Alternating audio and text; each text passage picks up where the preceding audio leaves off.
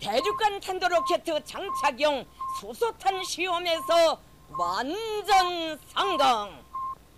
Atomprogrammet på 440 Hz. Science is interesting, and if you don't agree, you can fuck off. Mit navn er Flemming Håkær Sørensen, og du lytter til Atomprogrammet. Og øh, i den her uge, der har jeg to podcast med. Du har muligvis allerede gættet, at det er Brainstorm og Science Stories, og de handler om henholdsvis ensomhed og Mars. Derudover så har jeg faktisk nogle nyheder med, og det er gået lidt bedre i den her uge end i de foregående par uger. Jeg har arkeologer finder 5.000 år gammelt ølbryggeri. Ja. Jeg har også arkeologer. Stonehenge er genbrugsmonument fra Wales. Genbrugsmonument. Det var ikke et ord, jeg havde stiftet bekendtskab med tidligere. Nå, hvad har vi mere her? Vi har astronomer bekræfter, Far Far Out er det fjerneste objekt i solsystemet, og vi må håbe, de ikke opdager 100 mere, der ligger et, endnu længere ude, fordi så bliver det virkelig far far far far far far far far far far far far far far far far far out. Nå, men derudover så har jeg også studie. Nøglen til at finde aliens kan være at lede efter deres forurening. Ja, og øh, ellers så kan du muligvis øh, kigge på, det ved jeg ikke, Netflix eller gå en tur i læsehesten eller sådan noget. Der kan du muligvis også finde Aliens samtlige film. Og det er jo ikke det, de mente. Okay, fair nok. Jamen, jeg ved ikke, hvad der sker for mig i dag. Nå, øh, jeg har også løser gåde om mystisk kæmpekrater. Ja, der skal vi helt til Sibirien. Men øh, for ikke det skal liv, så har jeg selvfølgelig også ugens nyhed og den handler om Perseverance landing på Mars. Og normalt slutter vi ad med This Week at NASA, men ved redaktionel afslutning er den endnu ikke blevet udgivet.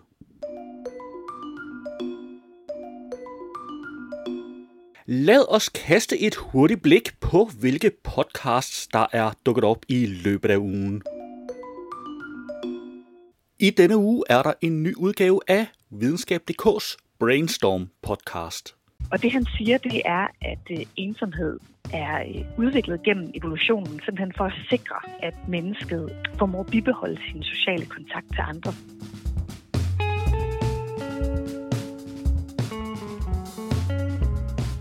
Velkommen til Brainstorm. I denne episode undersøger jeg, hvad det vil sige at være ensom.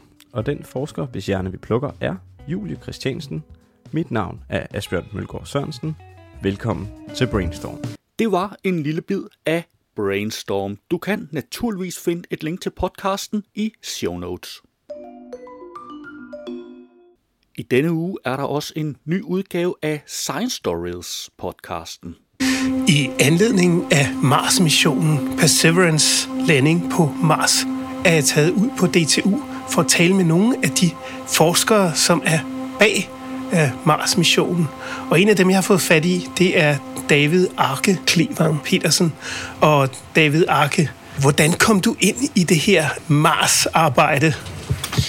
Jamen, øh, det startede øh, for snart seks år siden, for øh, i forbindelse med, med mit phd studie hvor, hvor jeg kigger på algoritmer i virkeligheden til at, at styre de instrumenter på ved hjælp af kamerateknologi. Og øh, og så, så kommer jeg så ud på et udlandsophold øh, med, i forbindelse med mit phd studie og det bliver så til et team over i USA, der egentlig består af et internationalt team, både fra Australien og Danmark, fra den afdeling, jeg øh, laver mit phd studie her på DTU. Og så begynder jeg så at samarbejde med dem og lave udvikle det her instrument, der skal til Mars. Det var en lille bid af Science Stories, og du kan naturligvis finde et link i show notes. Det var et overblik over ugens podcasts. Som ugens nyhed har jeg valgt en meget aktuel nyhed fra videnskab.dk.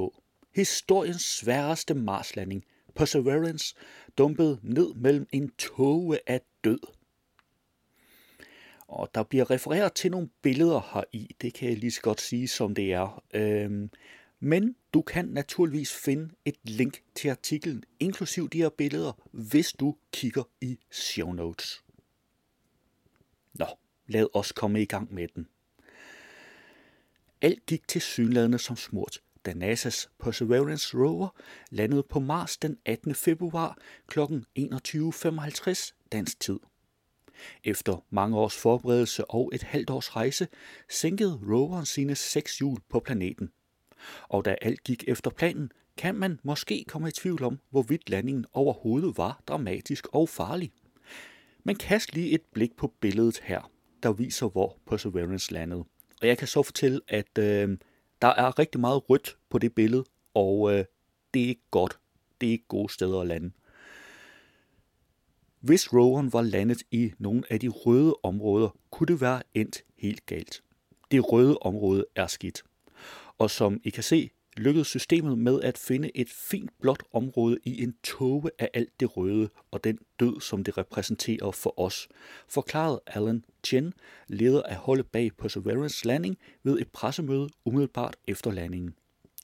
Men den succesfulde landing kunne de hundredvis af involverede forskere og ingeniører ånde lettet op. Jeg er vildt lykkelig over landingen. Det ser ud til, at den er landet et rigtig spændende sted, lyder det fra planetforsker Kjartan Kins, som er lektor ved Niels Bohr Instituttet på Københavns Universitet og deltager i missionen.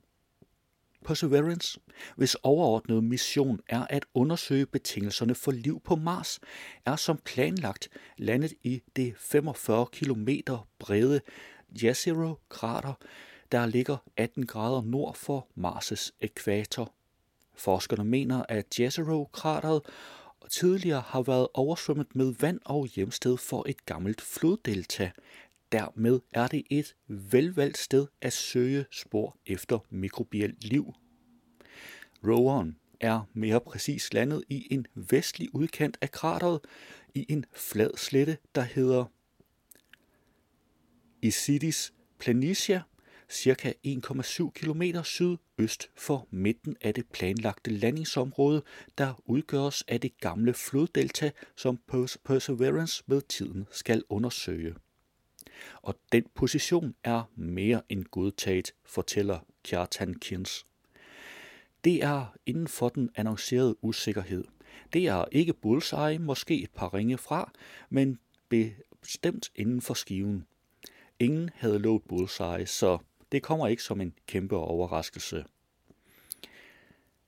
Du kan undersøge Perseverance landingsplads på det interaktive kort herunder, og igen, du kan finde det ved at klikke på linket i show notes. Nå, artiklen er faktisk øh, længere end det her, men skulle vi ikke tage stop her, fordi du skal alligevel ind forbi artiklen selv for at se øh, nogle af alle de spændende illustrationer, så, øh, så kan du også lige så godt læse den færdig. Lad os se på nogle af ugens nyheder. På Ekstrabladet har jeg fundet, arkeologer finder 5.000 år gammelt ølbryggeri. En gruppe arkeologer har opdaget et 5.000 år gammelt bryggeri, der i sin tid kunne producere tusindvis af liter øl i den egyptiske oldtids, oldtidsby Abydos. Det oplyser Ægyptens Ministerium for Turisme og Oldtiden.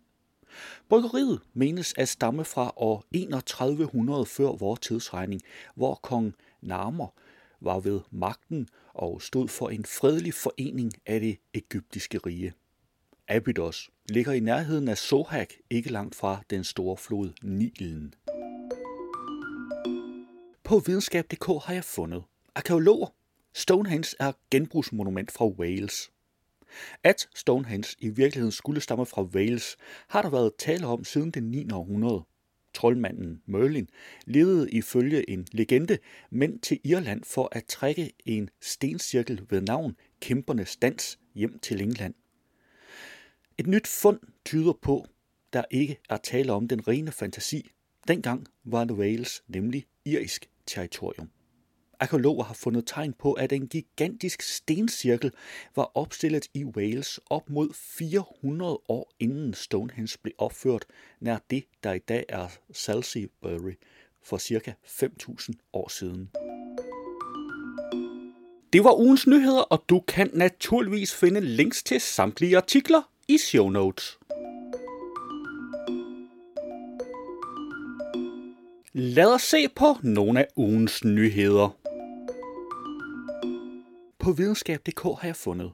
Astronomer bekræfter, Far Far Out er det fjerneste objekt i solsystemet. Objektet Far Far Out er officielt det fjerneste objekt i solsystemet, som vi kender til. Det skriver forskningscentret NORILAB i en pressemeddelelse. Astronomerne fik første gang øje på Far Far Out, som måske er en asteroide eller en meget lille dværgplanet tilbage i 2018, men det krævede længere tid at bekræfte, hvor langt væk den rent faktisk var. På videnskab.dk har jeg fundet studie. Nøglen til at finde aliens kan være at lede efter deres forurening. Hvordan leder man mest effektivt efter fremmed liv i det ydre rum? Indtil videre har man mest af alt set nærmere på radiosignaler og planeter, der ligner Jorden. Men nu har forskere muligvis fundet en ny metode. Atmosfærisk forurening. Teorien går mere specifikt ud på, at hvis der findes fremmede civilisationer i sted derude, vil deres tilstedeværelse kunne ses i form af forurening, ligesom man ser på jorden.